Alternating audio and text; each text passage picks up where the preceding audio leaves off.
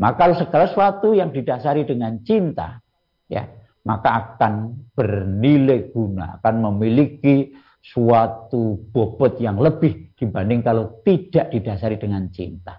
Tetapi masih ditambah lagi bahwa ketika kita merealisasikan suatu syariat, ya, kita muncul perasaan senang, muncul perasaan bahagia, muncul perasaan bangga yang nanti kita sebut sebagai sarkus soter.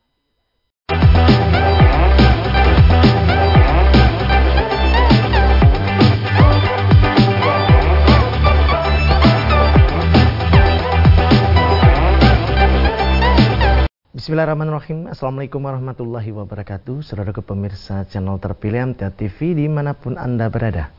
Puji syukur Alhamdulillah Kita panjatkan kehadirat ilahi Robbi Allah Subhanahu wa taala atas genap karunia nikmat dan hmm. juga rahmatnya untuk kita semua di perjumpaan awal aktivitas pagi hari ini. Kita jumpa kembali di program unggulan Fajar Hidayah dan Alhamdulillah kita sudah terhubung dengan Ustadz Dr. Andes Imut Khairi MSI yang nanti akan melanjutkan pelajaran sekaligus memberikan pencerahan untuk kita semua di kesempatan kali ini. Assalamualaikum warahmatullahi wabarakatuh Ustadz. Waalaikumsalam warahmatullahi wabarakatuh Mas Tommy. Ya, kabar baik dan sehat pagi ini Ustaz. Alhamdulillah. Ya, terus Mas Tommy. Alhamdulillah baik dan sehat kami di sini Ustaz. Ya. ya. Dan pemirsa nanti bisa bergabung bersama kami di line telepon 02716793000 SMS dan juga di WA kami di 08 11 255 3000. Kita simak pelajaran kita pagi ini. Silakan Ustaz. Bismillahirrahmanirrahim. Assalamualaikum warahmatullahi wabarakatuh. Waalaikumsalam. Alhamdulillahirabbil alamin wa bihi nasta'inu ala umuri dunya waddin. Walladzi arsala rasulahu bil huda wa dinil haq liyudhhirahu ala dini kulli walau karihal musyrikun. Asyhadu an la ilaha illallah wa asyhadu anna Muhammadan abduhu wa rasuluh amma ba'd. Qala Allah Ta'ala fil Qur'an Karim, A'udzu billahi minasyaitonir rajim. Ya ayyuhalladzina amanu taqullaha wal tandur nafsum ma qaddamat liqad wa taqullah innallaha khabirum bima ta'malun. Qala Nabi sallallahu alaihi wasallam fi hadis sahih, khairukum man ta'alamal Qur'ana wa 'alama. Bapak Ibu dan saudara sekalian, pemirsa program Fajar Hidayah di PMTA yang insya Allah dimuliakan Allah. Alhamdulillah atas izin dan nikmat Allah di pagi yang cerah ini kita masih diberi suatu nikmat kesempatan. Ya, nikmat yang betul-betul menjadikan kita bisa hadir pada forum yang mulia ini dalam rangka tolabul ilmi filah. Maka terhadap suatu nikmat yang besar ini mari kita syukuri ya, dalam bentuk fokus mengoptimalkan konsentrasi kita, ya, kemudian mengoptimalkan usaha kita, sehingga apa yang kita bahas, apa yang kita pelajari pada pagi hari ini betul-betul bisa kita pahami, ya. bisa kita yakini, dan ending dari taklim ini adalah kita bisa merealisasikan dalam bentuk amaliyah sehari-hari. Sehingga bahasanya tambah waktu kita, ya, umur kita, tambah ngaji kita, tambah ilmu kita, tambah amal, dan tambah pahala investasi surga kita. Bapak Ibu dan sekalian yang insya Allah dimuliakan Allah, pada pagi hari ini saya mengajak untuk sedikit refreshing. Ya. Dalam salah satu ayat, ya, surat ke-27, ya, Namal ayat 19, ya, di situ kita diberi pelajaran. Ya.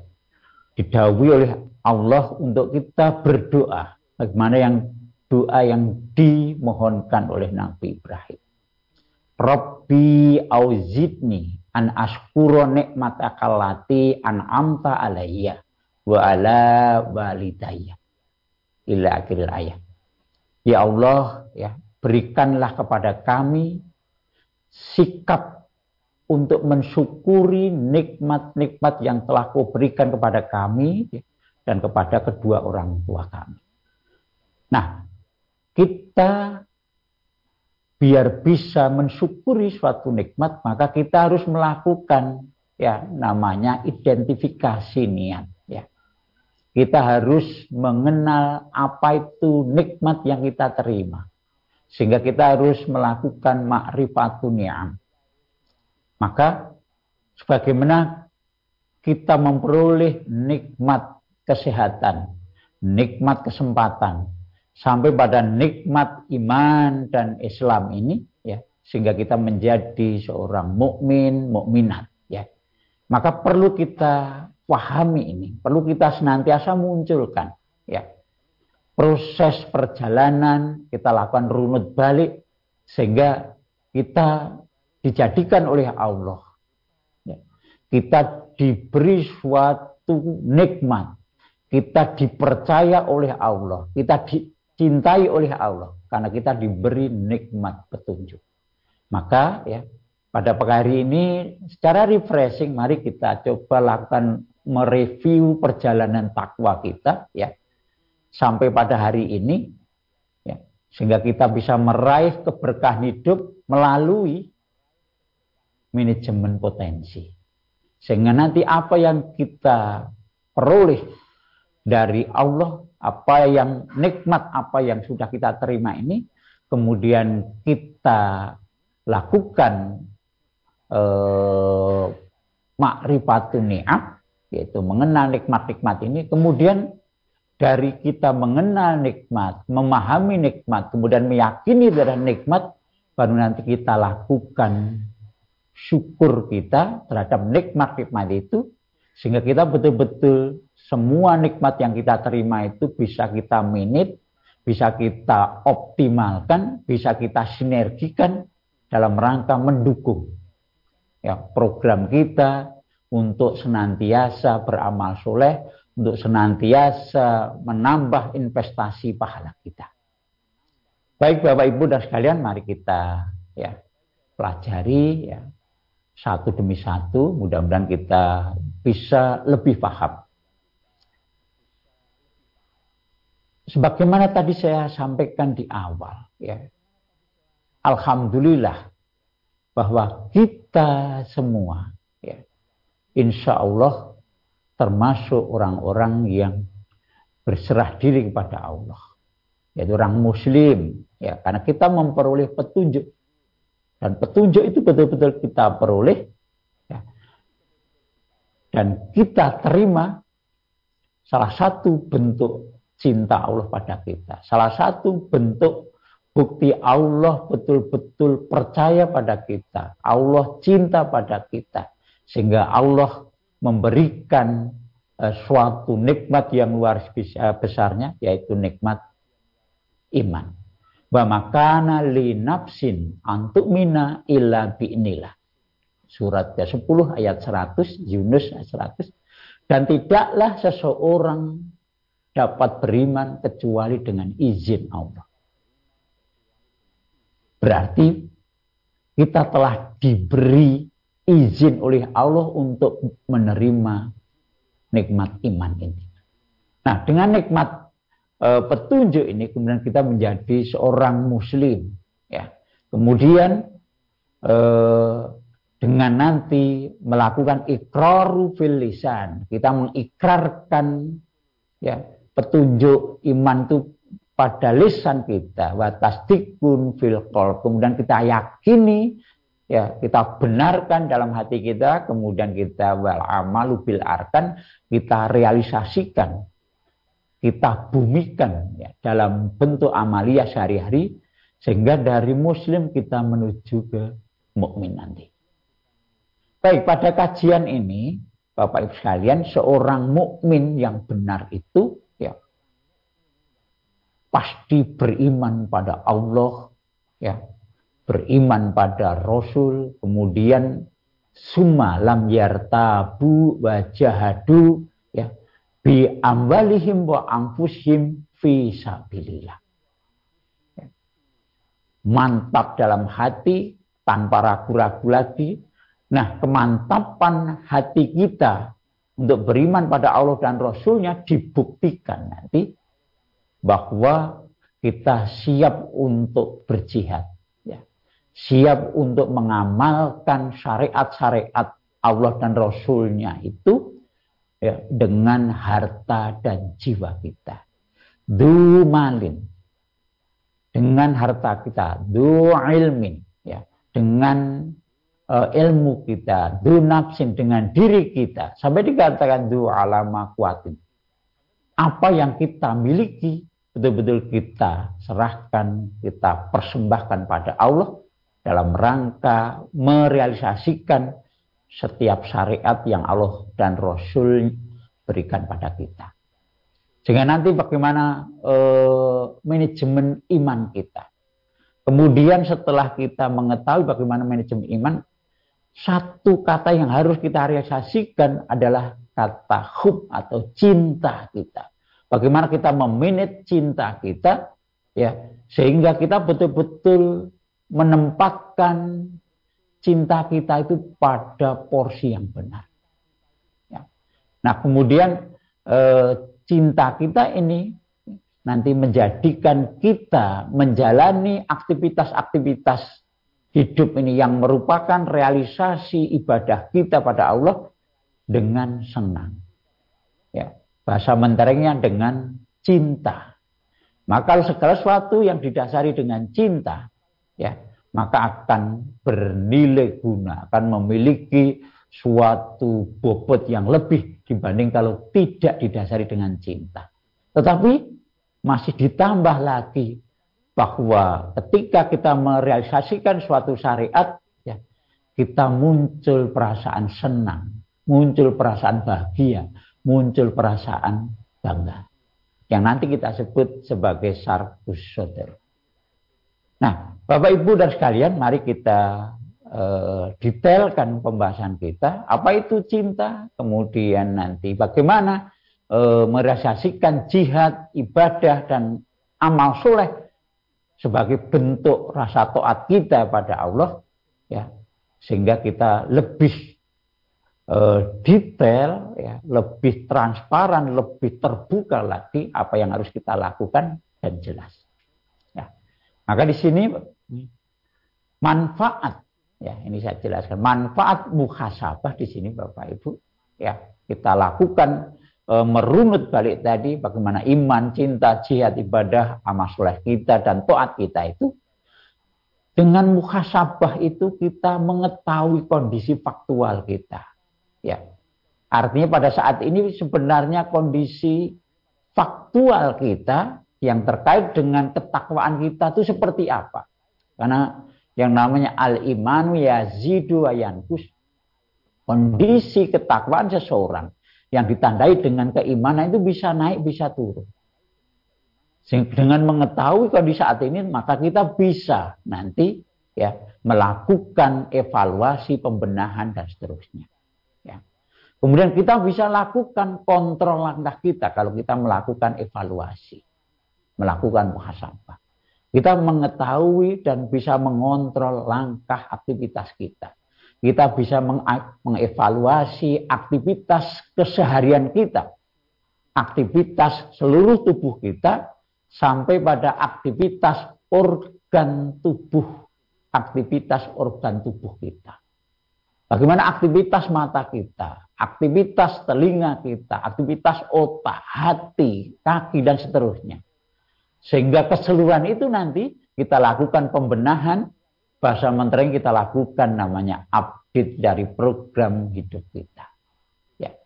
Nah, program updating dari program hidup kita nanti kita konsentrasikan ya pada e, materi kita itu iman, cinta, jihad dan seterusnya. Baik. Nah, yang pertama, Bapak Ibu sekalian, ketika kita berbicara masalah cinta, ya, maka kita mengetahui karakteristik ya, iman itu. Ya. Kita arahkan kepada karakteristik iman, ya, bahwa ternyata iman itu secara konten isi kita ada yang namanya perasaan cinta kita, ya, yang di situ betul-betul merupakan esensi dari eh, kebahagiaan, ya, kebanggaan kita, sampai rasa senang yang kita miliki. Ya. Sehingga ini nanti harus senantiasa kita bangun, kita pahami, sehingga rasa cinta itu betul-betul nanti muncul. Dan seorang mukmin dalam merealisasikan rasa cintanya itu waladina amanu asyaddu hubbalillah. Dan orang-orang mukmin itu cintanya kepada Allah lebih dibanding yang lain. Maka cinta kita kepada Allah, kepada Rasul harus lebih dibanding cinta kita kepada yang lain. Di Taubah ayat 24 itu ada delapan asnaf, delapan golongan yang harus kita nomor duakan dibanding kecintaan kita pada Allah dan Rasulnya. Ul ingkana ba abna hukum. Ya, ila akhiril ayat ada delapan asnaf. Nanti silahkan bapak ibu dibaca di situ ya. Orang-orang yang potensial memiliki probability untuk kita cintai lebih. Dan kadang-kadang itu nanti menjadi penghalang kadang-kadang menjadi andat andat atau tandingan-tandingan cinta kita pada Allah sebagaimana yang di ya firmankan Allah di Al-Baqarah 165 tadi. Tapi orang mukmin senantiasa waladina amanu asyaddu hubbalillah. Cintanya pada Allah, pada Rasul lebih dibanding cinta kepada yang lain. Maka ini harus nantiasa kita pahami sehingga kita meminit eh, derajat cinta kita menempatkan pada porsi yang betul. Nah, bagaimana proses meraihnya di situ? Ya, proses meraihnya bagaimana kita bisa mendapat cinta Allah kita mencintai Allah dan kita memperoleh cinta Allah kepada kita ya pada beberapa minggu yang lalu kita bahas ternyata bahwa cinta Allah bisa kita raih melalui dua jalan yaitu kita mengamalkan syariat-syariat wajib kita dan kita mengamalkan syariat-syariat sunnah kita. Ya, di situ dikatakan bahwa ya senantiasa seorang hamba ya melakukan sesuatu yang dicintai oleh Allah ya ahabba ilaihi mimmaftaroktu alaih. Yaitu eh, syariat-syariat yang wajib. Kemudian berikutnya bahwa ya zalu yataqarrabu ilayya bina wafili hatta uhibbu. Dan hambaku melakukan mengamalkan syariat-syariat sunnah ya. Sehingga Allah mencintainya atau aku Allah mencintainya. Fa iza ahbabtukum. Kuntu. Apabila Allah telah mencintainya, maka yang terjadi adalah Allah betul-betul me memberi petunjuk, membimbing kepada hamba tersebut sehingga semua organ tubuhnya itu sesuai betul dengan kehendak Allah. Sehingga sampai di situ dikatakan sam'ahul ladzi yasma'u bi. Ya, pendengarannya betul-betul sesuai dengan yang dikendaki Allah. Penglihatannya sesuai dengan yang dikendaki Allah. Semua organ tubuhnya betul-betul sesuai dengan. Nah, kalau seperti itu, di situ dijanjikan oleh Allah, kalau hamba ini meminta sesuatu akan aku kabulkan. Kalau memohon pertolongan, ampunan akan aku kabulkan. Ini prosesnya Bapak Ibu. Jadi proses untuk meraih derajat ketakwa eh, kecintaan Allah pada kita itu adalah melalui pemenuhan syariat-syariat Allah dan Rasulnya. Sehingga nanti melalui amal soleh, ibadah, ketaatan kita, kita raih kecintaan Allah kepada kita. Nah kalau sudah seperti itu maka power cinta ini kontribusinya luar biasa eh, kepada penambahan, peningkatan kualitas ketakwaan kita. Ya. Maka nanti sampai divisualkan ya salah satunya bagaimana Allah kemudian men, e, membantu kita dalam proses taskiyatul qalb pensucian hati karena memang hati itu adalah kewenangan Allah sehingga dengan kita menghasung ya kita mem, e, memenuhi persyaratan yang Allah berikan untuk kita bisa menghasung nusrat Allah maka Allah akan kabulkan dalam bentuk pensucian hati kita. Sehingga nanti hati kita akan menjadi hati yang selamat. Kolbin salim. Nah kalau sudah seperti itu, maka salah satunya karakter dari hati yang selamat itu adalah ah habbaba ilaikumul iman. Akan dicintakan hati kita itu kepada amal soleh. Bahasa mudanya gitu ya. Wa zayyanahu fi qulubikum. Dan amal soleh akan dikemas oleh Allah sehingga menjadi sesuatu yang sangat menarik kepada hati kita. Hati kita dicintakan pada amal soleh, amal soleh dikemas sehingga menjadi sesuatu yang menarik hati kita. Maka insya Allah kalau sudah kolbin salim ini, setiap tawaran amal soleh akan senantiasa diambil oleh kita. Nah, terhadap perbuatan dosa, maka hati kita langsung dibencikan. Wakaroha ilaikumul kufra wal fusuko wal isya. Betul-betul terhadap semua bentuk perbuatan dosa, hati kita oleh Allah langsung dibencikan.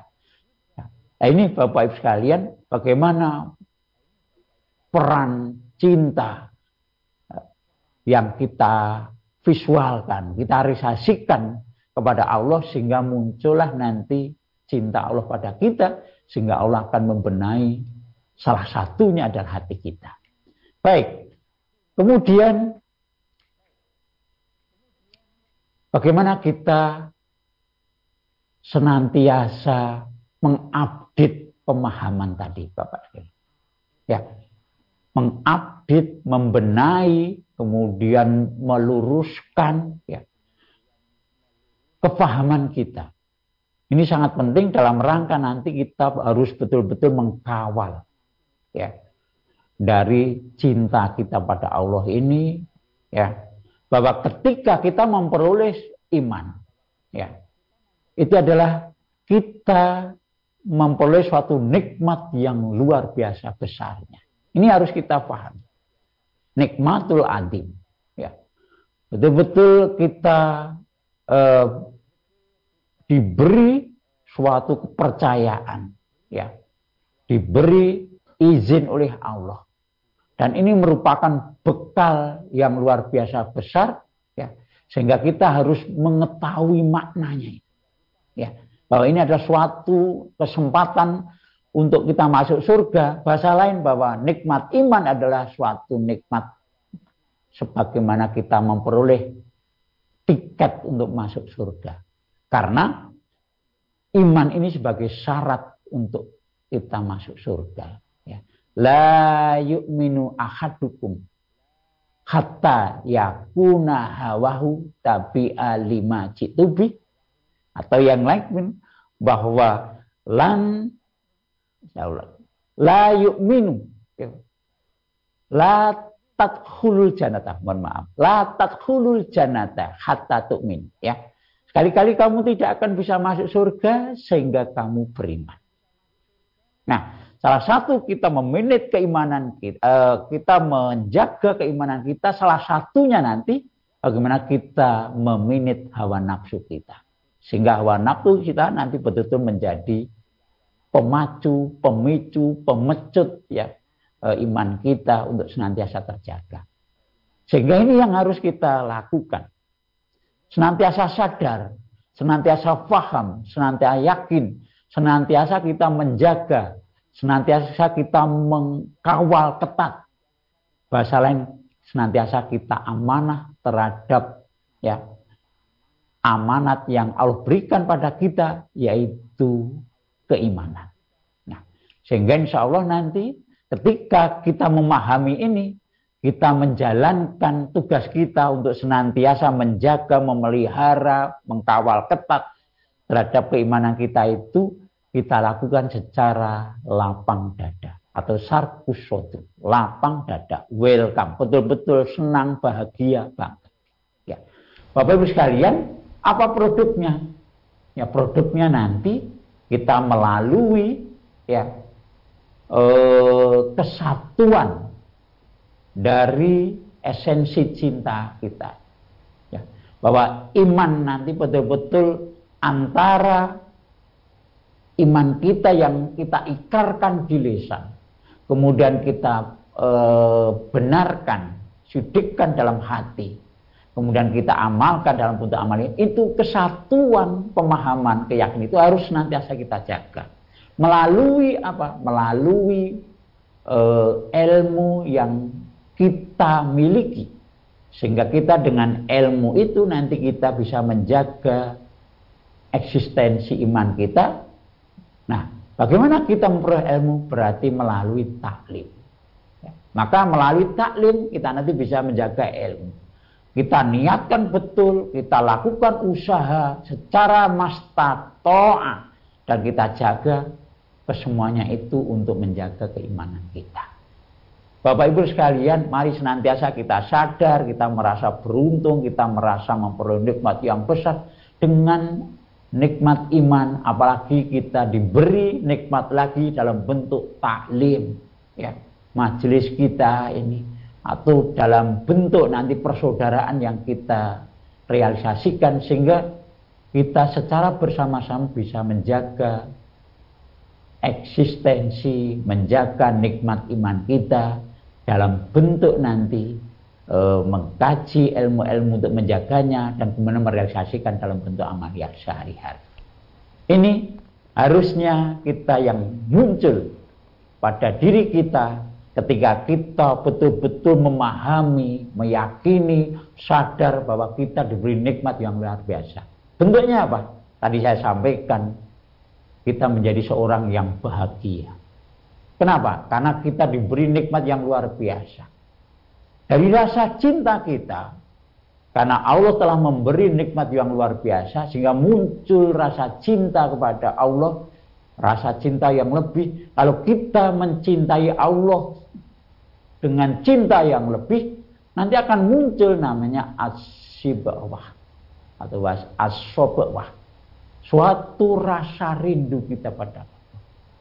Sehingga kita nanti senantiasa di situ seraitannya sensitif, responsif, kemudian akomodatif, akseleratif, akuratif. Kita senantiasa peka terhadap nama Allah ya kalau disebut kemudian syariat-syariat yang disyariatkan kepada kita. Kita peka, ya. Artinya kita senantiasa memang menunggu karena kerinduan kita terhadap syariat-syariat itu sehingga ketika kita mendengar membaca sesuatu syariat maka kita langsung mensikapinya. Responsif. Tidak hanya sekedar mensikapinya tetapi langsung mempolo api. Kita menindaklanjuti dalam bentuk akomodatif. Nah, kita mengakomodasikan ya eh, suatu syariat itu secara akseleratif yaitu cepat dan akuratif yaitu tepat. Inilah yang harusnya kita lakukan Bapak Ibu terhadap syariat-syariat karena realisasi kecintaan kita pada Allah sehingga kita senantiasa terhadap syariat itu peka kemudian kita lakukan respon Eh, kemudian kita akomodasikan secara cepat dan tepat. Ada usaha yang luar biasa untuk merealisasikan. Ya. Ada nanti ada namanya struggle, perjuangan. Ada namanya sacrifice. Ya. yaitu siap berkorban. Ya. Bahasa biasanya kita dengar bahwa eh, apa, tidak ada cinta tanpa pengorbanan. Ya. Betul-betul there is no love without sacrifice. Ya.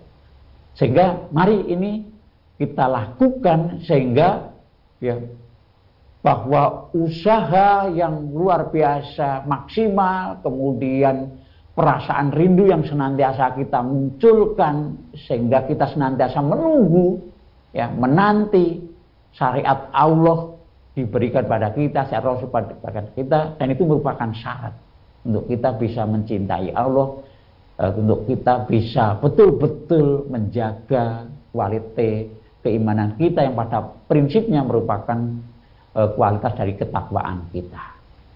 Nah, kemudian setelah itu Bapak Ibu sekalian, setelah rasa cinta sudah muncul senantiasa di atas, kita senantiasa menunggu, menanti e, dawuh syariat Allah dan Rasulnya, baru kita lakukan bagaimana kita meminit produknya. Karena produk dari rasa cinta kita pada Allah itu bentuknya kita me, lakukan ketaatan atau kita taat pada syariat dalam bentuk jihad fisabilillah, dalam bentuk nanti adalah ibadah, dalam bentuk nanti adalah amal soleh. Tiga ini Bapak ya merupakan medan jihad kita, merupakan amal soleh kita, merupakan ibadah kita. Tiga kata antara jihad, amal soleh dan ibadah sebenarnya adalah maknanya nanti. Nah, Anda perhatikan di sini ada sabilillah, ada ibadah, ada amal soleh sebenarnya di sini berbeda e, katanya. Kemudian tetapi itu sebenarnya prinsipnya adalah merupakan satu kesatuan yang bisa kita katakan sama ya bahwa e, sabilillah aktivitas di jalan Allah maka itu pasti bentuknya ibadah. Baik ibadah madhah maupun ibadah ghairu madhah dan semua yang kita lakukan ibadah-ibadah itu merupakan bentuk amal soleh. Sehingga saya pikir ini sama ya. Oleh sebab itu para sekalian, mari kita lakukan eh, kesatuan potensi kita untuk melakukan tadi adalah jihad bisa fisabilillah, kemudian eh, apa istilahnya ibadah dan amal soleh melalui potensi yang kita miliki ini ada akal, ada hati, ada nafsu, ada al ilmu, ada harta, ada potensi-potensi yang lain. Ya, kita kenali, kita identifikasi, kemudian semua kita sinergikan untuk mendukung ini yaitu untuk mendukung namanya amal soleh. Kita jadikan sebagai wasilah, kita jadikan sebagai supporter pendukung kita untuk kita melakukan amal soleh.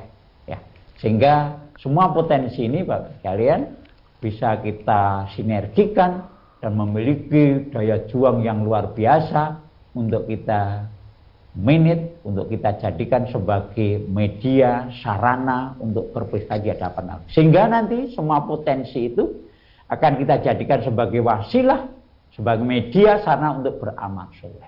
Sehingga kita termasuk hamba-hamba Allah yang setiap saat, setiap potensi, di mana pun kita berada, senantiasa merealisasikan e, amal soleh kita merupakan sinergi dari semua potensi kita sehingga betul-betul semua hidup kita dengan potensi kita untuk kita persembahkan menjadi amal soleh ibadah kita kepada Allah.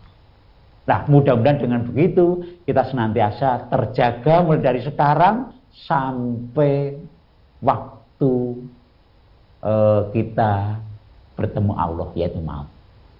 Lokinten ngaten Mas Tommy ya, mudah-mudahan bisa jadikan sebagai sarana atau untuk bahan diskusi. Martin Ulun. Ya. Baik pemirsa kami harapkan Anda bisa bergabung bersama kami di line telepon 02716793000 SMS dan juga di WA kami di 08 11 255 Namun sebelumnya kita akan simak beberapa informasi dalam rangkaian jeda pariwara berikut ini. Baik, saudara pemirsa channel terpilih MTA TV di mana pun Anda berada, terima kasih Anda masih setia bersama kami, khususnya di program unggulan Fajar Hidayah pagi ini. Kesempatan pertama, kami persilahkan di line telepon 02716793000 untuk bisa bergabung. Baik Ustaz, kita bacakan yang ada di WA dan SMS terlebih dahulu Ustaz. Ya, ya. Yang pertama dari Bapak Hadi di Bojonegoro. Ustadz, di masyarakat tempat saya, kalau orang meninggal waktu sakitnya, meninggalkan sholat, bisa dikodok oleh orang lain.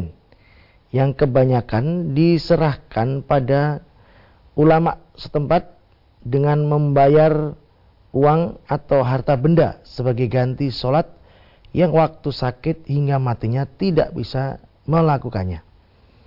Apakah yang demikian ini benar menurut tuntunan agama, Ustaz? Mohon penjelasan, penjelasannya.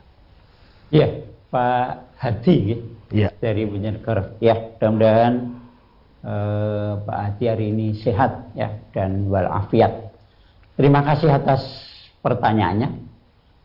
Jadi terkait dengan ibadah ya kita betul-betul al aslu fil ibadati al itiba betul-betul namanya ibadah itu kita hanya mengikut mengikut Allah dan Rasulnya yang memiliki syariat ya nah terkait dengan sholat itu adalah suatu ibadah matuh yang betul-betul kita disuruh untuk melakukan sholat itu ya berdasarkan ilmu yang benar ya Kemudian di situ adalah kita disuruh untuk ittiba'ur rasul. Maka solu kama ra'aitumuni usol. Ya, sholatlah kalian sebagaimana kamu melihat aku, aku rasul sholat. Sholatnya rasul itu digambarkan, e, dijelaskan dalam hadis-hadis beliau. Nah, selama ini yang kami atau kita pelajari e, di majelis tafsir Al-Quran ini, bahwa memahami bahwa sholat itu adalah privasi. Artinya bahwa selama seseorang itu masih bisa melakukan sholat, maka memiliki kewajiban untuk melakukan sholat. Ya. Batasnya ada idamartukum bisain faktu minhu mastatotum. Artinya kalau kemaksimalan dari seseorang untuk melakukan sholat. Tetapi kalau memang sudah betul-betul tidak bisa sholat, ya seseorang itu sudah tidak terkena eh, kewajiban ini. Ya. Contohnya misalkan eh, seseorang lupa, ya, kemudian dia tidak melakukan suatu eh, sholat tertentu atau beberapa sholat, ya, maka orang tersebut selama lupa diangkat pena. Artinya tidak dikenai takalif atau pembebanan hukum. Tapi ketika ya dia sadar, dia paham, maka kemudian ulama berpendapat pada saat itulah ya, dia harus melakukan sholat yang ditinggalkan tadi. Ya. Misalkan seseorang lupa tidak sholat maghrib, kemudian ingatnya ya baru subuh ya pada saat subuh ingat itu kemudian melakukan sholat maghrib artinya bahwa kewajiban e, melakukan sholat selama mampu itu kewajibannya bersifat pribadi artinya seseorang harus melakukan sendiri itu yang kita pahami sehingga ya kita memahami tidak ada kodo sholat ya tidak ada ganti apalagi diwakili orang lain. Itu yang kita pahami. Namun demikian barangkali Bapak dan sekalian khususnya Pak Hadi ya pemahaman kita itu yang kita yakini kemudian kita amalkan, kita realisasikan. Terhadap pendapat-pendapat saudara kita yang lain ya ya kita hormati ya. Kita hormati bahasa yang sering kita dengar walana amaluna dan bagi kami amalan kami walakum amalukum dan bagi jenengan sesama muslim kita ya e, amal jenengan pendapat jenengan pendapat tidak bisa menggugurkan pendapat yang lain sehingga sesama pendapat adalah suatu pendekatan Meskipun yang satu pendekatannya itu menggunakan IT yang sangat canggih, yang satu tidak menggunakan IT atau konvensional, tapi tetap keduanya merupakan pendapat, merupakan pendekatan. Yang namanya al-haq mirrobiku. Kebenaran itu hanya dari Allah. Semua manusia ya bentuknya adalah pendapat, bentuknya adalah pendekatan dan antar pendapat tidak bisa saling menggugurkan. Maka yang benar adalah kita lakukan semaksimal mungkin apa yang kita eh, fahami kepada saudara kita yang memahami yang lain kita menghormatinya. Insya Allah kita akan bisa merealisasikan kebersamaan dan ya kekeluargaan di Islam tanpa harus merendahkan satu dengan yang lain. Itu Mas Tommy, Pak Hati mudah-mudahan bisa dipahami. Ya, baik. Pertanyaan berikutnya kami bacakan dari Ibu Sri di Purworejo. Ustadz, apakah ada sholat sunnah ghairu mu'akadah untuk sholat qobliyah maghrib dan juga isya Ustadz? Iya. Uh, yang maghrib itu uh, di brosur kita ada di brosur sholat sunnah itu bahwa di situ pernah Rasulullah itu menyampaikan solu qoblal maghrib solu qoblal maghrib dua kali kemudian yang ketiga ya liman sya'a. Ya. Sholatlah ya qobliyah maghrib. Artinya sholat sebelum sholat wajib maghrib dilakukan. Tapi sudah masuk waktu maghrib. Ya. Dua kali Rasulullah memerintahkan. Kemudian yang ketiga itu bagi siapa yang mau. Bagi siapa yang menginginkan. Artinya ada dalilnya. Ya, ada dalilnya. Nah, di dalil yang lain Ibnu Abbas pernah ya, beliau melakukan sholat sunnah setelah matahari terbenam. Saat itu Rasulullah juga melihat, artinya Rasulullah mengetahui e, perbuatan Ibnu Abbas ini terkait dengan sholat sebelum sholat maghrib. Tapi Rasulullah membiarkan, artinya Rasulullah diam, tidak menegur, ya tidak e, menyalahkan, ya tidak memotivasi. Artinya e, diamnya Rasulullah itu jadi dalil. Ya, takriron. Maka dalil itu adalah fi'lian, ya, kemudian laulan, takriron, hamian, ya. Dari ucapan, kemudian perbuatan, diamnya Rasulullah atau cita-cita Rasulullah itu bisa diakan sebagai dalil.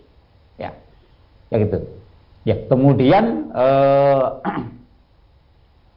termasuk yang di sebelum sholat isya. Nah kalau yang e, sholat sunnah muakat ya itu ada 12 ya Bapak sekalian. Yaitu dua e, empat rakaat sebelum sholat duhur dua rakaat setelah duhur berarti ada enam gini kemudian e, dua rakaat setelah maghrib Dua rakaat setelah isya, dua rakaat sebelum sholat subuh. Jadi ada dua belas. Nih, kalau kita bisa melakukan setiap hari eh, dua belas rakaat ini, janji Allah, janji Rasulullah akan dibangunkan ya rumah di tengah surga kita.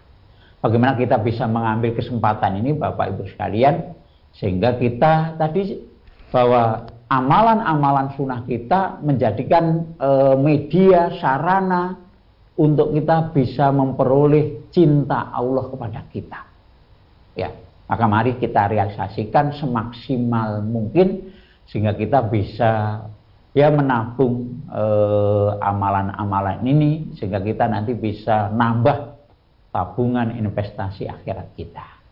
Ya saya pikir itu Mas Tommy dan Bu Busri di Purworejo. Purworejo, ya. Baik Ustadz, sekiranya sudah di penghujung perjumpaan kali ini dan kami sampaikan terima kasih atas tausiah dan juga pelajarannya. Insya Allah kita nantikan pelajaran berikutnya Ustadz. Assalamualaikum warahmatullahi wabarakatuh. Waalaikumsalam warahmatullahi wabarakatuh. Ya. Baik saudara pemirsa channel terpilih MTA TV di mana pun Anda berada, demikian tadi telah kita simak dan ikuti bersama program unggulan Fajar Hidayah pagi ini.